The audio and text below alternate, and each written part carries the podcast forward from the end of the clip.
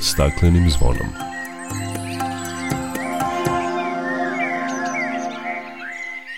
Dobar dan i dobrodošli na Zeleni talas prvog programa radije Radio Televizije Vojvodine. Ja sam Dragana Ratković. Svetski dan stanovništva obeležava se sutra 10. jula. Na planeti od nedavno živi preko 8 milijardi ljudi, od toga više od polovine u gradovima. Govorit ćemo o tome mogu li se gradovi razvijati tako da se smanji upotreba resursa, emisije gasova s efektom staklene bašte, otpada zagađenja, mogu li gradovi biti održivi i koje su to rešenja zasnovana na prirodi koja nude obećavajući pristup za stvaranje održivih gradova. Govorit ćemo o projektu Pokretne šume, inovativnom rešenju za ozelenjavanje grada koje će biti primenjeno u Novom Sadu.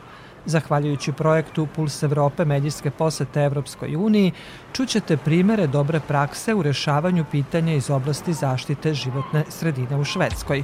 Govorit ćemo i o sakupljanju papira i druge ambalaže u akciji Na svakom kraju je novi početak knjižare Zenit Books, o organizovanom sakupljanju pet ambalaže i limenki na egzitu, o sakupljanju staklenog ambalažnog otpada pod nazivom Sekopak Karavan u devet gradova u našoj zemlji, a čućete i od kakvog značaja je prvi sveobuhvatni vodič na srpskom jeziku za raspoznavanje divljih ptica, ptice Srbije i Evrope koji je nedavno objavljen i predstavljen u Beogradu i Novom Sadu. O svemu tome nakon pozdravne pesme. Dok priroda kraj nas plače za vladarskim svojim tronom. Tužno vele narikače pod staklenim nismo zvonom. Znaj vazduha više nema Sve manje je i ozona. Protiv sebe ide čovek i to često bez pardona uništenju živog sveta Kao da su ljudi skloni Čovek sam je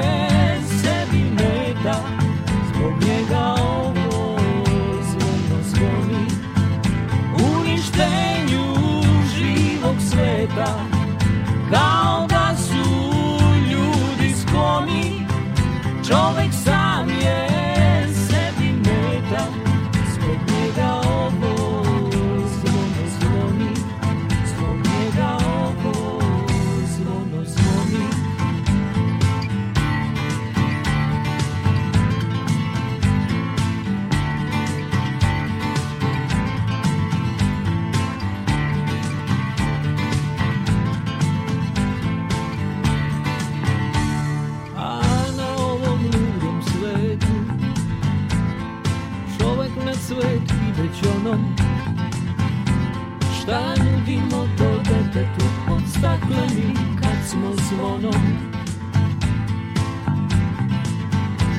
Uništenju živog sveta Kao da su ljudi skloni Čovek sam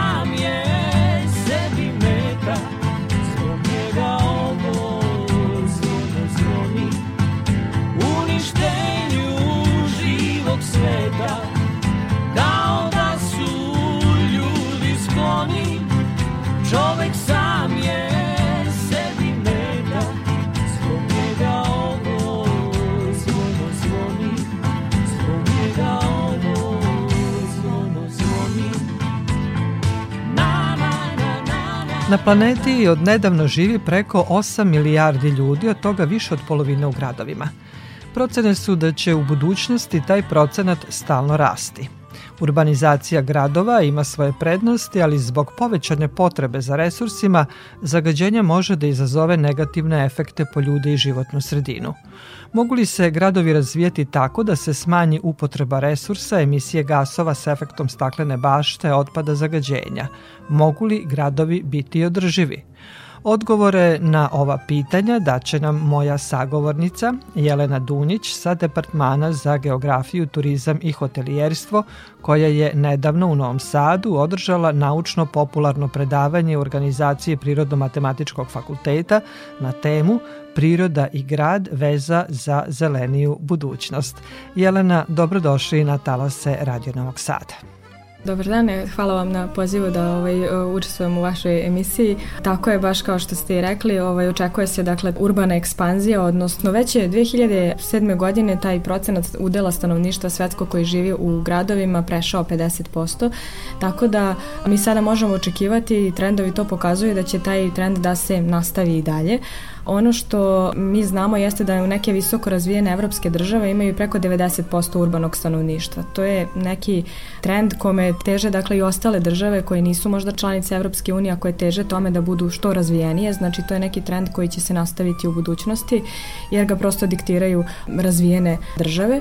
Ono što je u tom slučaju važno jeste da prosto udeo gradskog stanovništva koji će se i dalje povećavati ne prati ga istovremeno razvoj infrastrukture Znači, ono što u stvari koči taj razvoj jeste da se ta infrastruktura ne razvija podjednakom brzinom kao što se razvija ekspanzija urbanog stanovništva. Tako da zbog toga se traže neka inovativna rešenja, traži se način da taj život u gradu postane održiv, odnosno da postane prihvatljiv, da, da ljudi mogu da omoguće sebi dostojanstven život, da mogu da priušte sebi i ekonomsko i ekološko i neko zdravstveno socijalno blagostanje i samim tim se pribegava inovativnim rešenjima koje su rešenja zasnovana na prirodi. Sad kad kažem inovativno, to ne znači da su to neka rešenja koje smo mi skoro izmislili, već su to rešenja koje su postojale i ranije, a sada im se prosto vraća popularnost jer se smatra da neka prirodna rešenja mogu da regulišu aktivnosti koje se odigravaju u gradu. Međunarodna unija za zaštitu prirode je 2016. godine definisala rešenja koja su zasnovana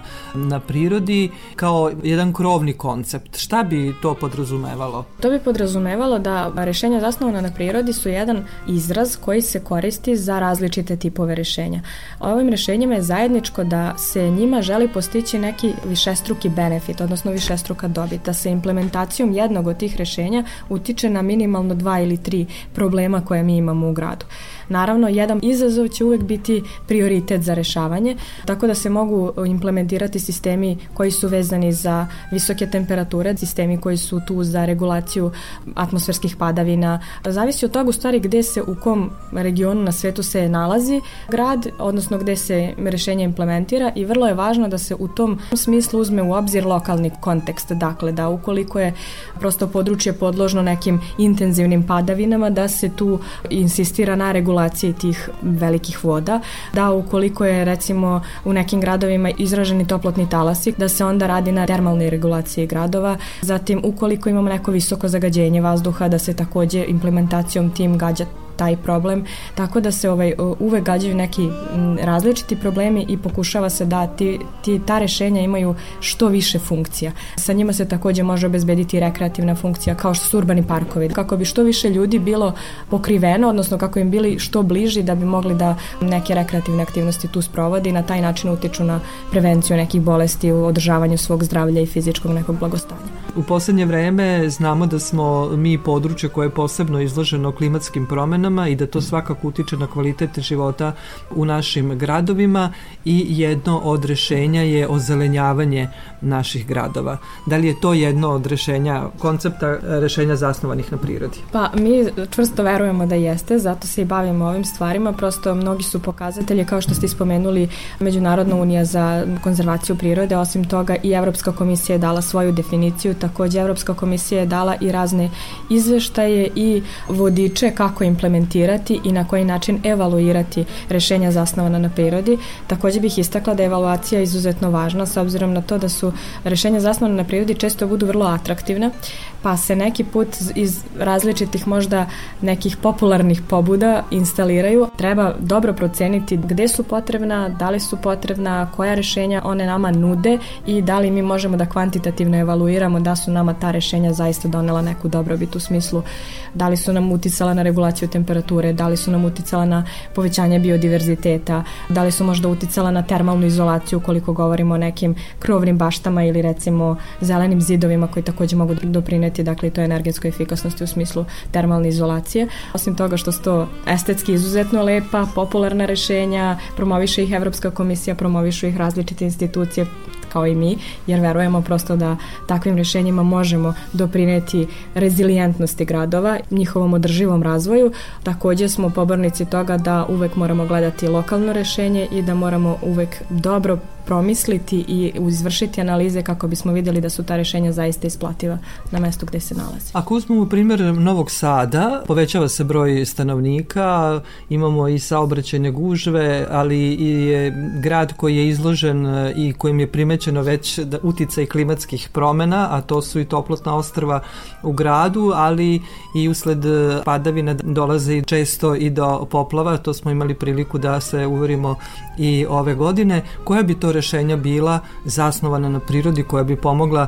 da ublažimo ove posledice klimatskih promena. Eto, baš kao što ste spomenuli, to urbano ostrovo toplote je a, fenomen koji je izmeren, dakle mi već imamo podatke da se on dešava u gradu, da su pojedini delovi grada vrlo teško se hlade, da su te noćne temperature izrazito visoke i da na nekim mestima, baš istraživanja koje je naša ovaj, grupa za urbanu klimu izradila, dakle na pojedinim mestima u gradu imamo između 8 i 10 stepeni razlike unutar grada i periferiji grada, znači u temperaturi istovremeno to je zaista velika razlika i prosto onemogućava telu da se u vreme tih velikih vrućina rashladi noću, tako da ovaj, ta urbana ostrova toplote, čiji je efekat najznačajniji u toku noći kada bi telo trebalo prirodno da krene u neku regulaciju temperature i rashlađivanja, a to onemogućeno je visokim temperaturama, Mi smatramo da bi različita rešenja tu mogla doprineti. To je pre svega dakle očuvanje vegetacije koja već postoji u smislu uličnog drveća, možda ga time ne smatramo ili smatramo su rešenja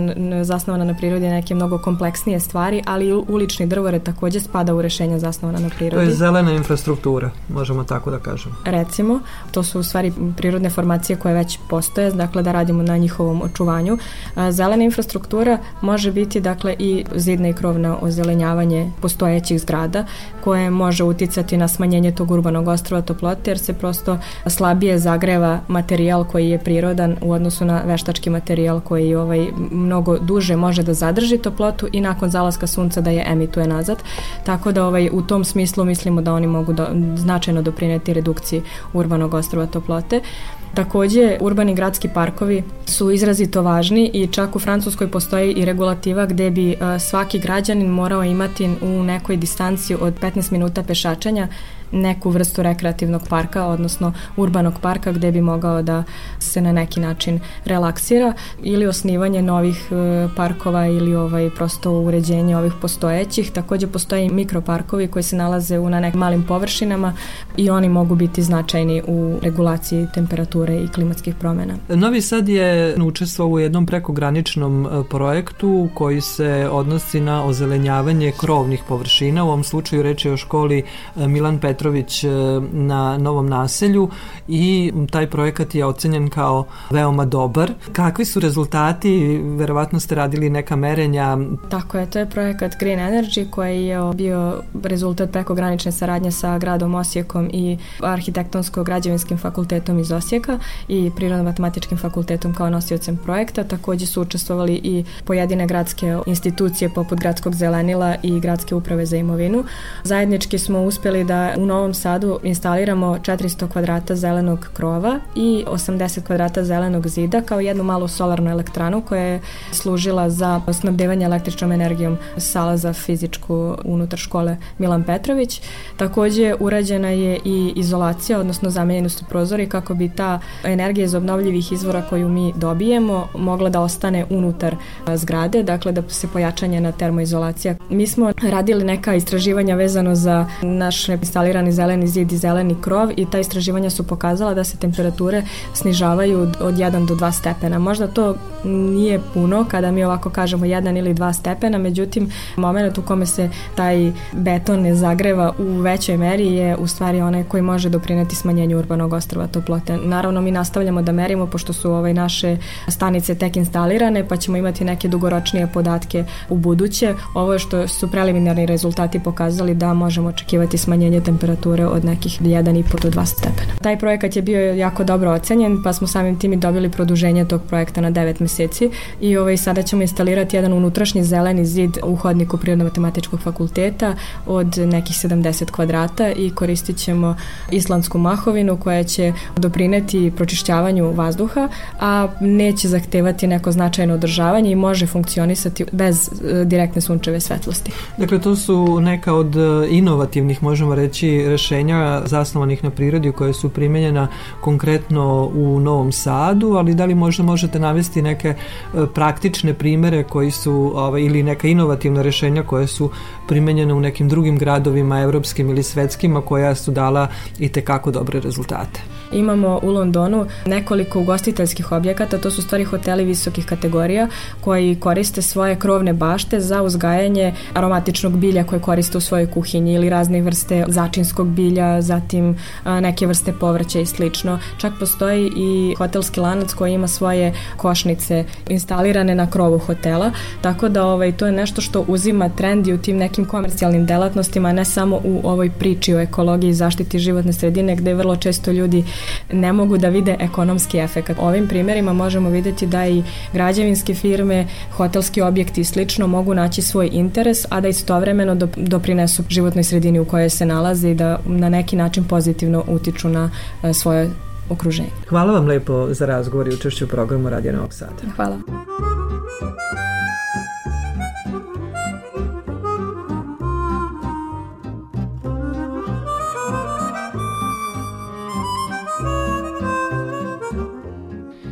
Slušate emisiju pod staklenim zvonom. Čuli ste koliko je za ublažavanje posledica klimatskih promena, posebno u urbanim sredinama, važno zelenilo. Primena rešenja zasnovanih na prirodi je nešto što bi moglo da zaživi i u Novom Sadu, jer već postoje stambene zgrade koje su postavile zeleni zid. Još jedno inovativno rešenje za ozelenjavanje grada biće primenjeno u našem gradu. Naime, nakon holandskog grada Leuvardena, Novi Sad će uskoro primeniti projekat pokretne šume. Autor ovog jedinstvenog koncepta je pejzažni arhitekta Bruno Doedens, čija je ideja bila da oživi vezu između ljudi i prirode. O kakvom je projektu reč? Kada ćemo moći da vidimo pokretnu šumu u Novom Sadu, ali i koje ostale zelene ideje sprovodi grad, za radio televiziju Vojvodine govori Miroslava Joksimović iz Gradske uprave za zaštitu životne sredine. Ideja je svakako došla od Holandjana, odnosno mi smo preuzeli primer dobre prakse. Kolege iz Gradske uprave za kulturu su bile u posetu Livardenu i tom prilikom je bila prezentacija projektnih aktivnosti na projektu Walking Trees. Tako u suštini od, tuda potiče ideja da i Novi Sad svakako ima projekat Šetajuće šume. Projekat je pod sloganom ako drveće može da šeta, zamisli šta sve možeš ti. Zamisa u stvari celog tima svega jeste da drveće bude posađeno u sadnice. Sadnice će biti posađene u žardinjere, znači po jedna sadnica će biti u svakoj žardinjeri i u sklopu te žardinjeri će svakako biti 10 e, žmunastih biljaka. U suštini na tom jednom mestu kad vi vidite žardinjere da stvarno bude efekat šume. Se nalazite u šumi. E, što se tiče konkretno Novog Sada, biće 24 vrste drveća i 143 sadnica će biti ukupno znači 143 žardinjere. Ja se nadam da će se to našim sugrađanima svideti i svakako da ćemo uspeti da u intenzivno urbanim delovima grada napravimo, to jest da stvorimo efekat šume i da uživaju građani u,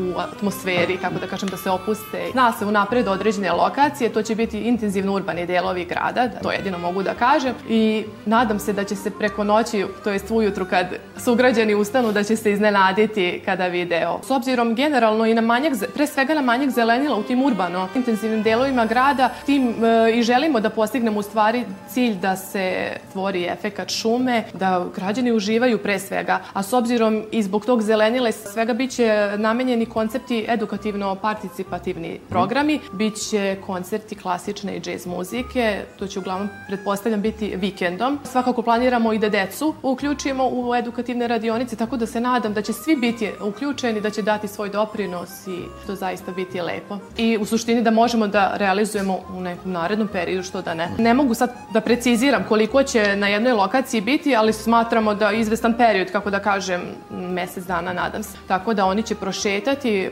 po određenim lokacijama, a posle toga se u zavisnosti od uslova sade na određena mesta, naravno gde je to potrebno. U poslednjih nekoliko godina svesni ste činjenice da se radi na unapređenju i očuvanju zelenila i u toku je izrada projektno-tehničke dokumentacije za park od Spensa, zatim rekonstrukcija, revitalizacija univerzitetskog parka, tako da sve radimo u cilju očuvanja, unapređenja i podizanja novih parkovskih i zelenih površina.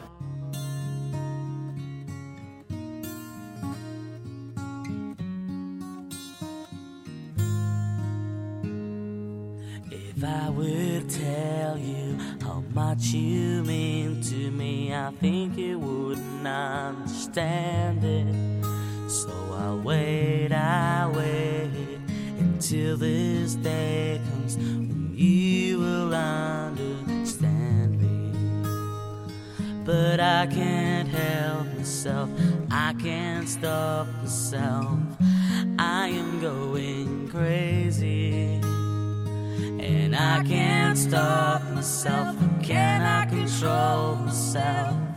I am going crazy. And I love you, I want talk to you. I wanna be with you. And I love you, I want you, I wanna talk to you. I wanna be with you. I cannot change it. I'm sure not making it one big hell of a fuss. I cannot turn my back. To face the fact. Life without you is hazy. And I love you. I want you. I wanna talk to you. I wanna be with you. I love you, I want you, I wanna talk to you. I wanna be with you.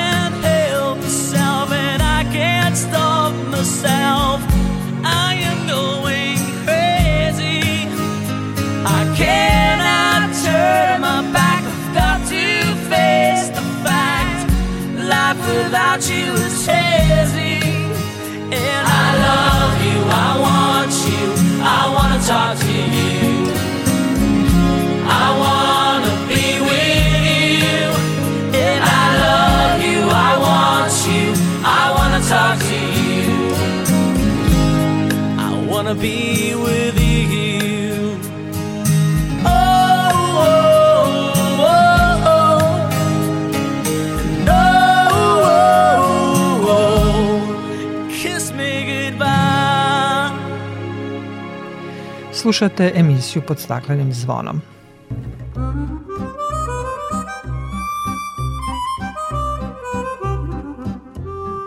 Švedska je svima poznata po inovativnim metodama u zaštiti životne sredine, reciklaži, zelenoj energetici, cirkularnoj ekonomiji i to ne samo u Evropi već i u svetu. Zahvaljujući projektu Puls Evrope medijske posete Evropskoj uniji koji finansira Evropska unija u Srbiji, 19 novinara iz različitih medija imali su priliku da se upoznaju sa primerima dobre ekološke prakse u ovoj zemlji. Moja gošća Marica Puškaš, urednica elektronskog magazina e Ekolist. Bila je u Švedskoj i mi imamo priliku da iz prve ruke čujemo zašto je Švedska jedna od lidera u Evropi u zaštiti životne sredine. Marice, dobrodošla na Talase Radije Novog Sada. Dobar dan. Švedska je, svi znamo, bila prva zemlja u svetu koja je negde 1967. godine donela zakon o zaštiti životne sredine. Od tada i svoju ekonomiju i sve druge aktivnosti usklađuje sa principima zaštite životne sredine,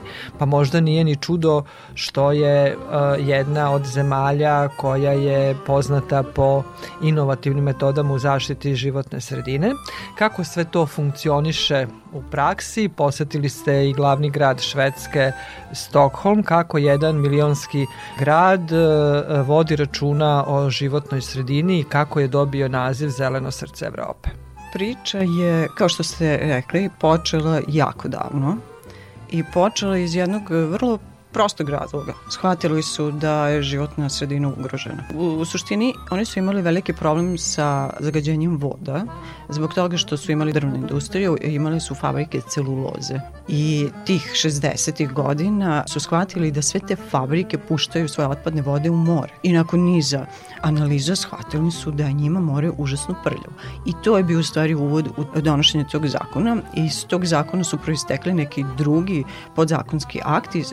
Stvorena je ta Agencija za zaštitu životne sredine i to je u stvari bio početak tog, što bi rekli, švedskog čuda. I prva konferencija o zaštiti životne sredine u Stokholmu. Da, sve je krenulo jednog vrlo praktičnog problema, a mi danas imamo jedan Stokholm koji je, rekli ste, milionski grad, a vi kada hodate tim ulicama, vi uopšte nemate osjećaj da, da je to milionski grad, tu se dešava jedan veliki promet ljudi, saobraćaj. Vi uopšte nemate taj osjećaj. Razlog tome je što je ceo saobraćaj Stokholma je uređen tako da ljudi imaju alternativu. Većina koriste biciklove ili one električne skutere. Oni su znači mobilni, nemaju problem s parkiralištem. Stokholm je nekada kad je stvaran, on je napravljen na više ostrvaca, taj ceo arhipelag. A danas je zamišljen kao jedan mobilan grad koji je povezan, sva ta ostrvca su povezana mostićima i vrlo lako možete da iz tog samog centra grada, a možete da dođete u ovaj drugi deo gde je istorijski, možete da idete u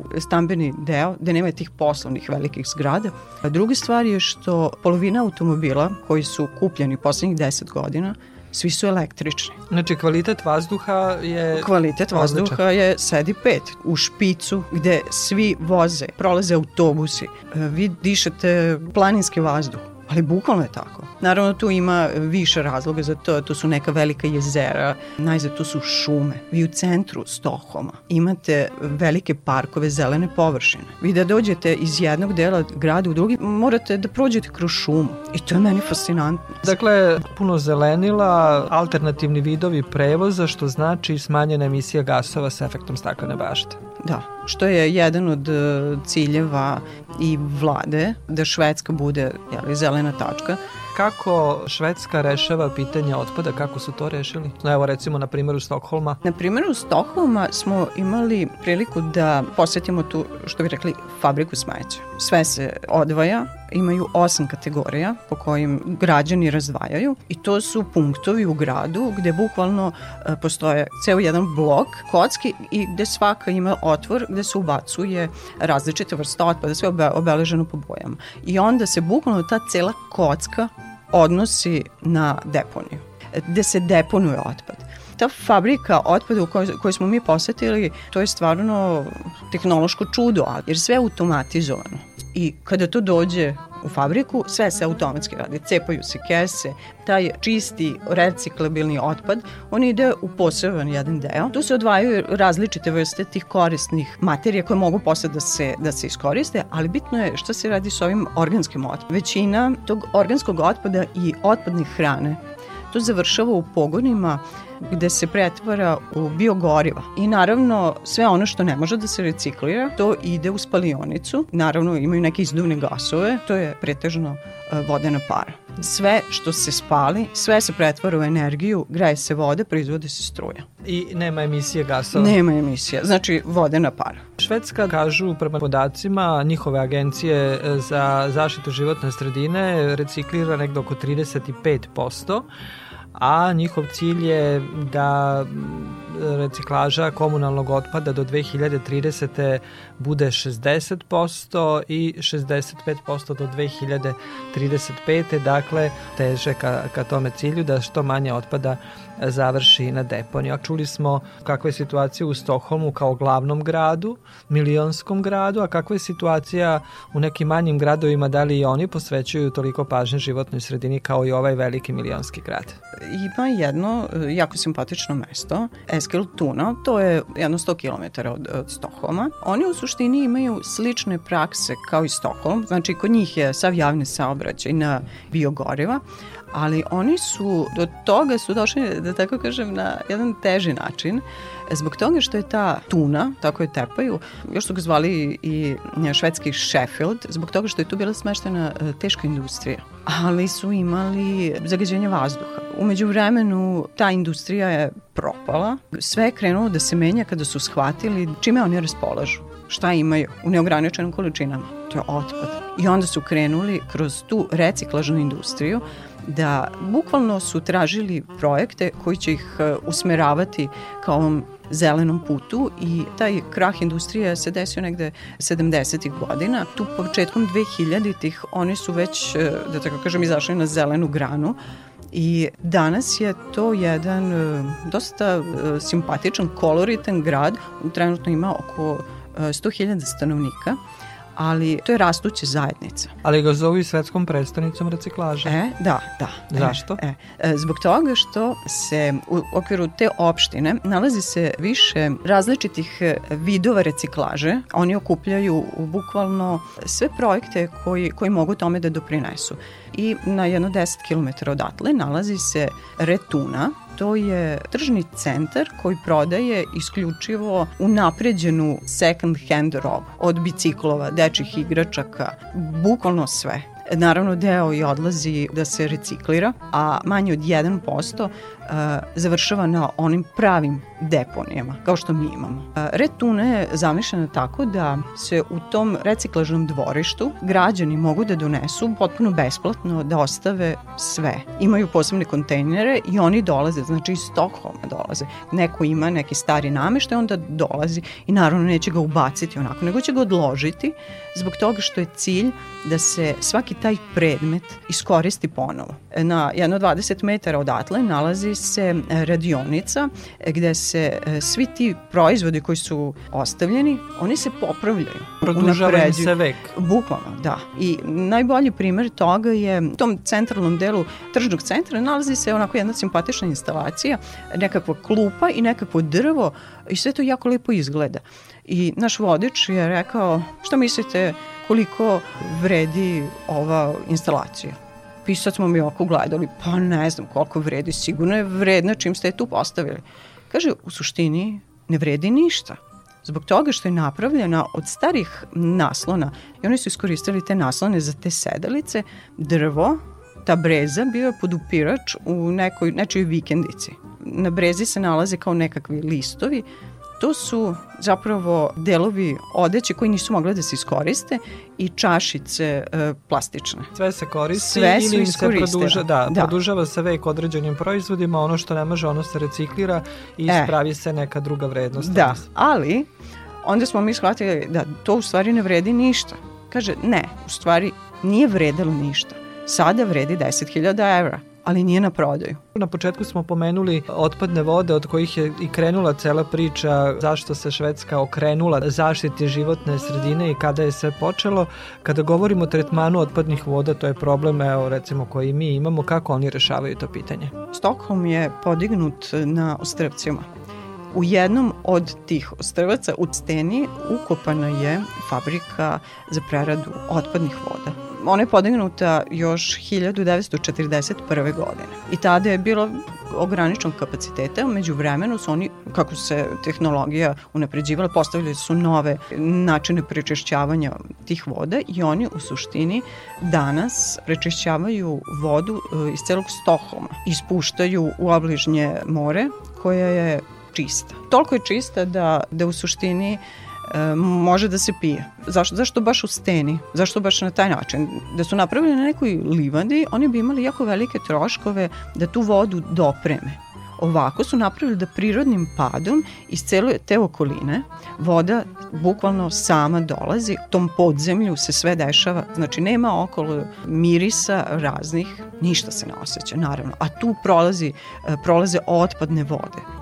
I na kraju, kako se sve to finansira, tu se e, od, od tih organskih materija e, proizvode se opet biogorivo.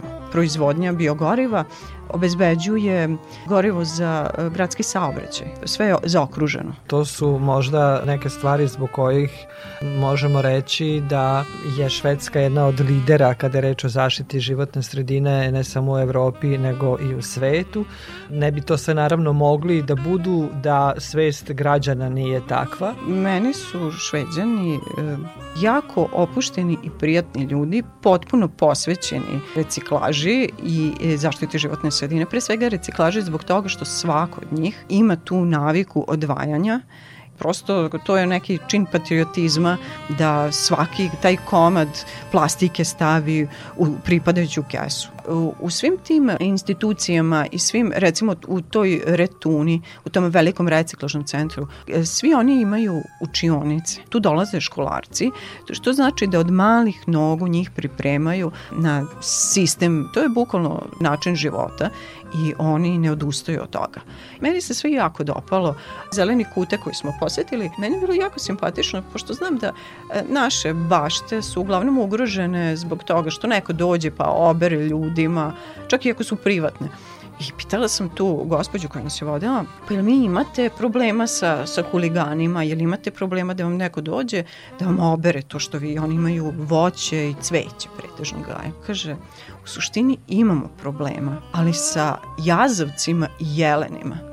Ja sam bila zapanjena zbog toga što su te urbane bašte, da je na 15 minuta od e, centra grada i njima jeleni prolaze kroz, kroz parkove. Priroda u, u jednom milionskom gradu. Da, da. Marice, vidim da su utisci veliki. Može li se nešto od toga što ste videli primeniti kod nas? Mislim da može sve. Nema toga što, što ne može, jedino mora da postoji neka politička odluka i ja verujem, mislim polazim od sebe, ne verujem da postoji osoba koja više voli da vidi neki potok zatrpan smećem nego da vidi čistu reku. To, to prosto ne postoji. I mislim da svako kada pođe od sebe da završit ćemo na, na istom cilju. Samo treba da, da postoji odluka da da idemo tamo. Napraviti prvi korak je najvažnije. Marice, hvala vam lepo što ste nam prenjali vaša iskustva i primere dobre prakse iz Švedske, zemlje koja je eto po po svom odnosu prema zaštiti životne sredine među vodećim zemljama i Evrope, ali i svetu. Hvala vam. As the snow flies On a cold and gray Chicago morning, a poor little baby child is born in the ghetto. In the ghetto. And his mama cries. Cause if there's one thing that she don't need, it's another hungry mouth to feed in the ghetto. In the ghetto. People, don't you understand? Child needs a helping hand. He'll grow to be an angry young man someday. Now take a look at you and me. Are we too blind to see? Do we simply turn our heads and look the other way? Well, the world turns. And a hung a little boy with a running nose plays in the street as the cold wind blows in the ghetto. In the ghetto. And his hunger burns. So he starts to roam the streets at night and he learns how to steal and he learns how to fight in the ghetto. Then one night in desperation, the young man breaks away. He buys a gun, steals a car, tries to run, but he don't get far. And his mama cries. As the crowd gathers round, an angry young man face down in the street with a gun in his hand in the ghetto. In her young man dies. And gray Chicago morning, another little baby child is born in the ghetto. People, don't you understand? The child needs a helping hand. He'll grow to be an angry young man someday. Take a look at you and me. Are we too blind to see? Do we simply turn our heads and look the other way? And here's mama cries. On a cold and gray Chicago morning, another little baby child is born in the ghetto. And here's mama cry.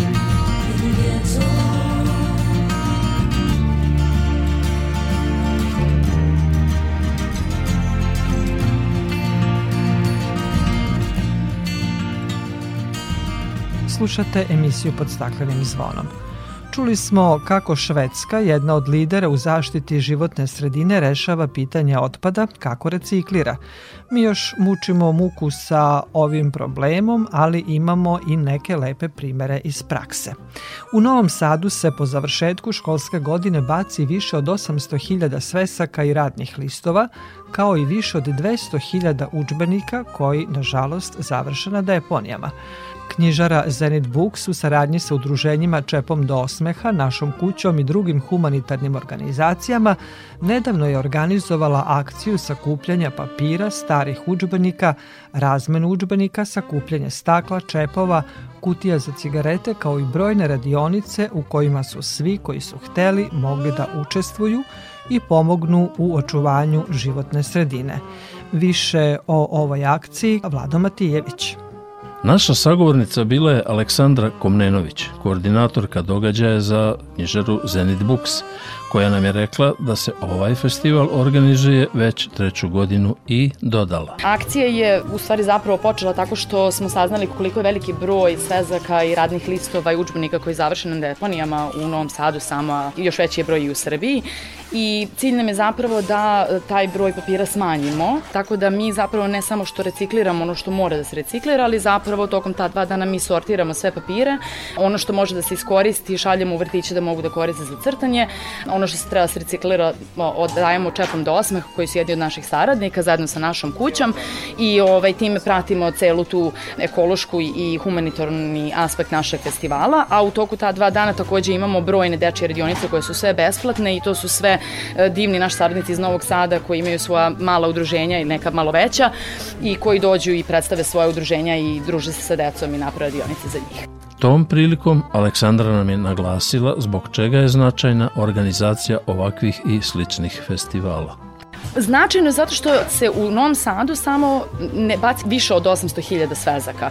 I prošle godine smo videli jako veliki broj svezaka koji zapravo imaju puno praznog papira. I to zapravo sve završi u deponiji, a može zapravo da se koristi još uvek. Čak smo imali sveske koje su polu prazne zapravo i mogu da se koriste ponovo, tako da je zaista veliki broj toga završen na deponiji, a nama je zaista cilj da ekološki se pobrinemo za naš Novi Sad i mislim da je to zaista važno. I nama je cilj donekle da ova akcija se proširi i da ona bude sve veća i da možda bude i širom Srbije u jednom trenutku. Knjige praktično nastavljaju da žive svoj novi život u nekom drugom obliku. Dakle, od neke stare knjige iz koje su se mnoge generacije edukovale, preradom te hartije nastaju novi upotrebljivi predmeti kutije za pakovanje poklona, na primjer. Tako Hartija nastavi da živi i to je neki ciklus sa kojima se upoznaju najmlađi na raznim edukativnim radionicama. Naša sagovornica je navela i primere. Zapravo to je jako važno. Mi ovde u knjižari imamo i izlagača koji su zove New Pen, koji pravi od novina korišćenih olovke i bojice. Tako da, mislim, zaista imamo jako puno izlagača s kojima radimo koji uh, upciklažom, odnosno ponovnim korišćenjem proizvoda bez prerade prave dalje proizvode, a onda naravno i reciklažom, odnosno produživanjem života uh, papiru koje, koji se naravno naravno posle pretvara u novi papir ili karton za korišćenje. Cilj ove manifestacije ima prvenstveno humanitarni karakter, a nešto preciznije o tome naša sagovornica kaže. Humanitarni aspekt je u tome što zapravo sve što budemo skupili, znači ide u čepam do osmeha, da sponzoriše invalidska koalica za jednog našeg mladog novosađanina, tako da je to definitivno jako važno.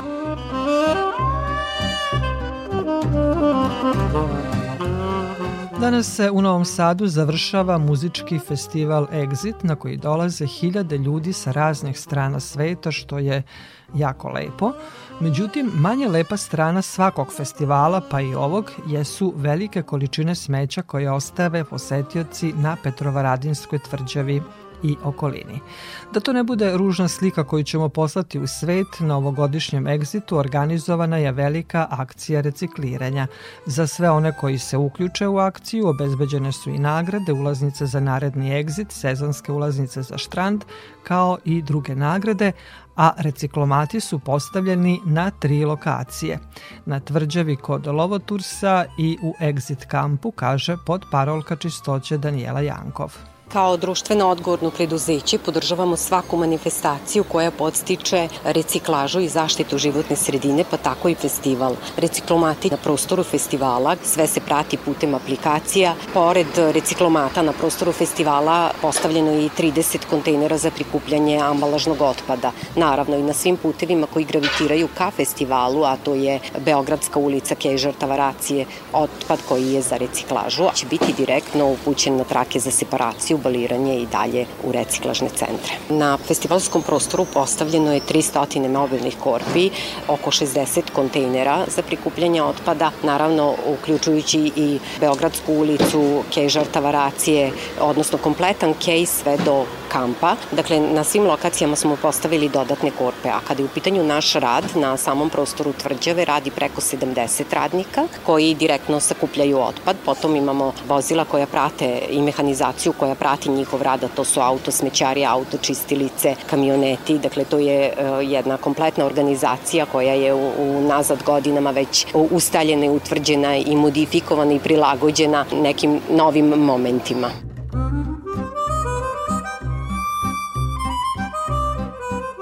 I u nastavku emisije govorit ćemo o reciklaži. Naime, u devet gradova u našoj zemlji u toku je velika akcija sakupljanja staklenog ambalažnog otpada nazvana Sekopak Karavan. Pokrenuta je da bi se građanima ukazalo zašto je važno recikliranje stakla. O tome Bojana Radovanović. Sombor je 2020. godine u okviru projekta upravljanje staklenom ambalažom na Zapadnom Balkanu dobio 150 zvona za odlaganje stakla koja su postavljena na teritoriji celog grada u prigradskim naseljima i u svim selima. Na taj način je samo tokom prošle godine prikupljeno rekordnih 230 tona stakla. Slađana Zec, Znaš, kad smo živjeli u Norveškoj, tamo se sve reciklira i plastika i staklo, mislim da bi to svako trebao da radi, da bi planeta bila čistija i eto. Pokazalo se da u gradovima u kojima su postavljena zvona za odlaganje staklene ambalaže, reciklaža je porasla za 90%. Vanja Vlaškalić, pomoćnica direktora za oblast higijene i zaštite životne sredine u javnom komunalnom preduzeću Čistoća Sombor. Tokom protekle godine prikupili rekordnih 230 tona staklene ambalaže, što je, recimo da damo komparaciju u odnosu na nekih e, prethodnih pre 5-6 godina e, ta količina je bila oko 25 tona. Sada je 230 tona na godišnjem nivou. Slobodan Stanić, član gradskog veća za ekologiju i zaštitu životne sredine grada Sombora.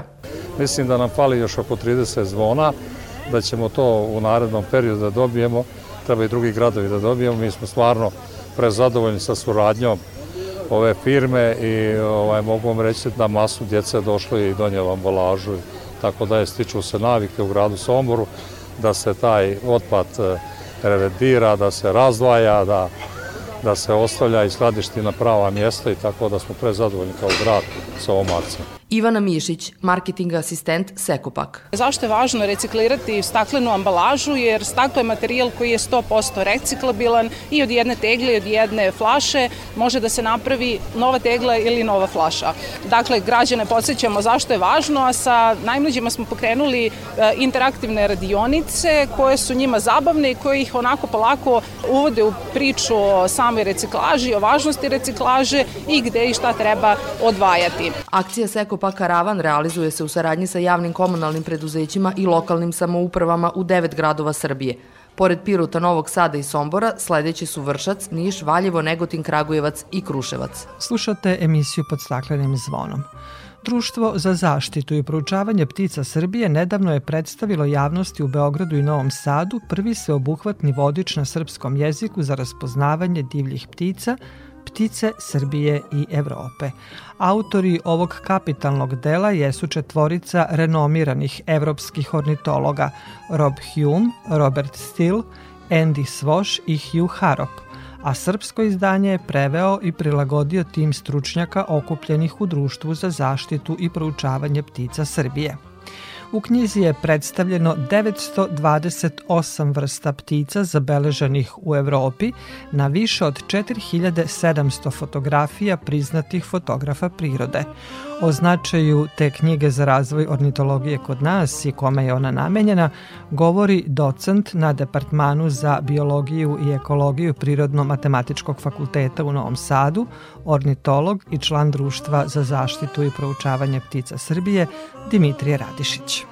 Ja bih rekao da je značaj nemerljiv. Stvar je u tome da e, prepoznavanje ptica često je bazirano na vrlo e, detaljnim njihovim opisima, često su u pitanju nijanse boja koje ih razlikuju, često su u pitanju e, detalji vezane za njihovo ponašanje i to su stvari koje zahtevaju detaljan opis i ogroman je značaj što tako nešto sada postoji na srpskom jeziku. Mi smo to, kako da kažem, prepoznali jako davno, odnosno Društvo za zaštitu proučavanja Srbije izradilo i predivnu aplikaciju koja se zove na dlanu, koja je jako korisna. Isto tako, ovaj, ono je organizovalo veliki broj različitih e, obuka za identifikaciju vrsta, obuka za uključivanje u projekte koji se tiču njihovog istraživanja i slično, ali ono što je nedostajalo, ono što je falilo, što je bilo nepopunjeno, to je ta prva stepenica, a to je da postoji a, jedan kompletan, a, obiman ključ, odnosno prepoznavanje vrsta i to je nešto što je sada izrađeno.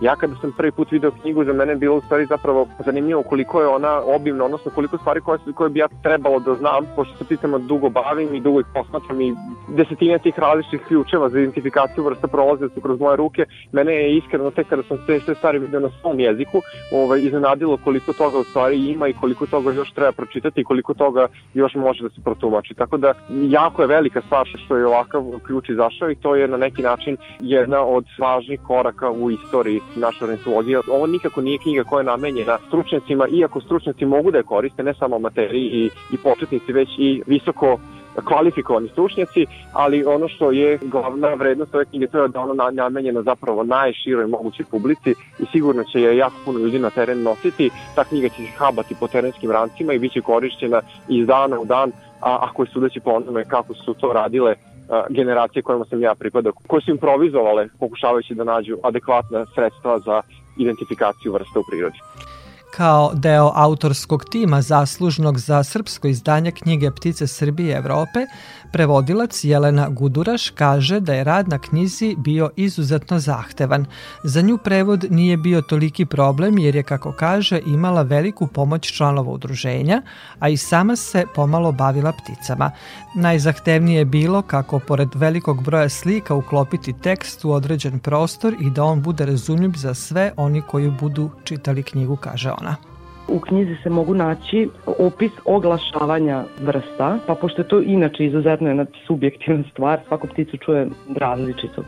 E sad mi smo transkribovali te njihove onomatopeje oglašavanja, ali smo intervenisali dosta, jer recimo kod nas se gugutka zove gugutka zato što kaže gu gu gu, a kod njih kaže ku ku, pa smo recimo tako neke ove stvari menjali, odnosno Menjali smo nazive nekih staništa kako bismo bukvalno sve u knjizi prilagodili našim posmatračima ptica. Znači da bude potpuno razumljivo svakome, stil je onako prilično sveden, jednostavan, nije strogo naučni, da sad postoji neka terminologija koju eto možda ni to neko dete ili početnik neće razumeti. Tako da negde smo morali da pribegnemo korišćenju skraćenica jer jednostavno nije moglo sve da stane, ali baš smo se trudili da sve bude razumljivo. Znači koju god pticu da, da otvorite onako nasumično, da pročitate koji god opis, sve se razume. Ova knjiga nije samo ptice Srbije i Evrope, knjiga inače ima 640 strana i na samom kraju knjige nekih poslednjih stotinak strana su ptice koje su viđene u Evropi makar jednom, odnosno lutalice iz celog sveta, ptice iz Amerike, Azije,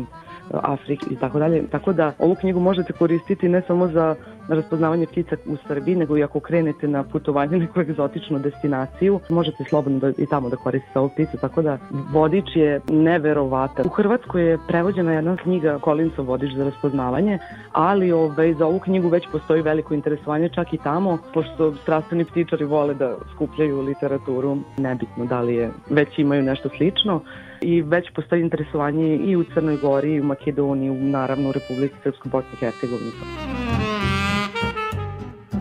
I za kraj još jedna vest o pticama koje svi raspoznajemo.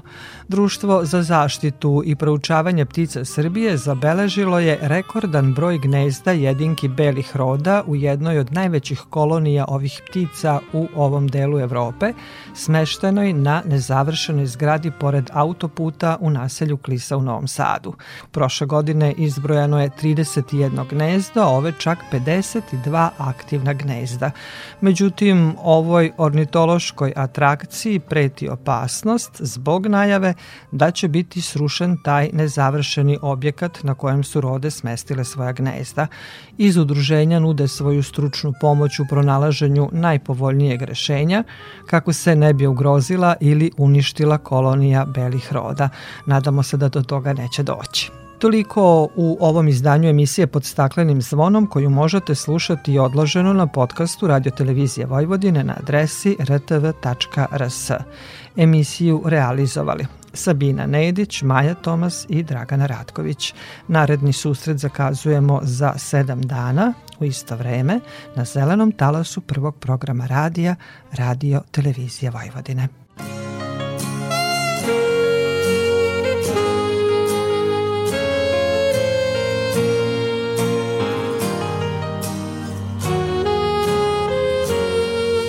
If I had to live my life without you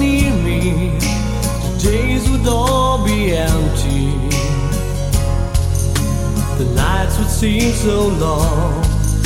You I see forever, all so clearly.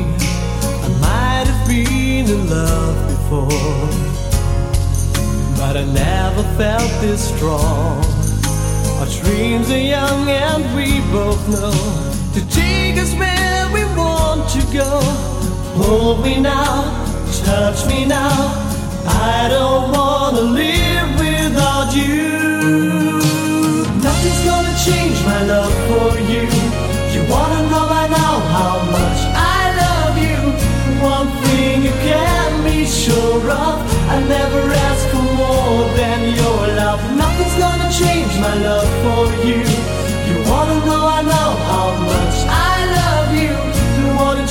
My whole life, you, but nothing's gonna change my love for you. If the road ahead is not so easy, our love will lead the way for us. Like a guiding star, I'll be there for you if you should need me. You don't have to change a thing. I love you just the way you are. So come with me and share the view. I'll help you see forever true. Hold me now, touch me now. I don't wanna live without you. Nothing's gonna change my love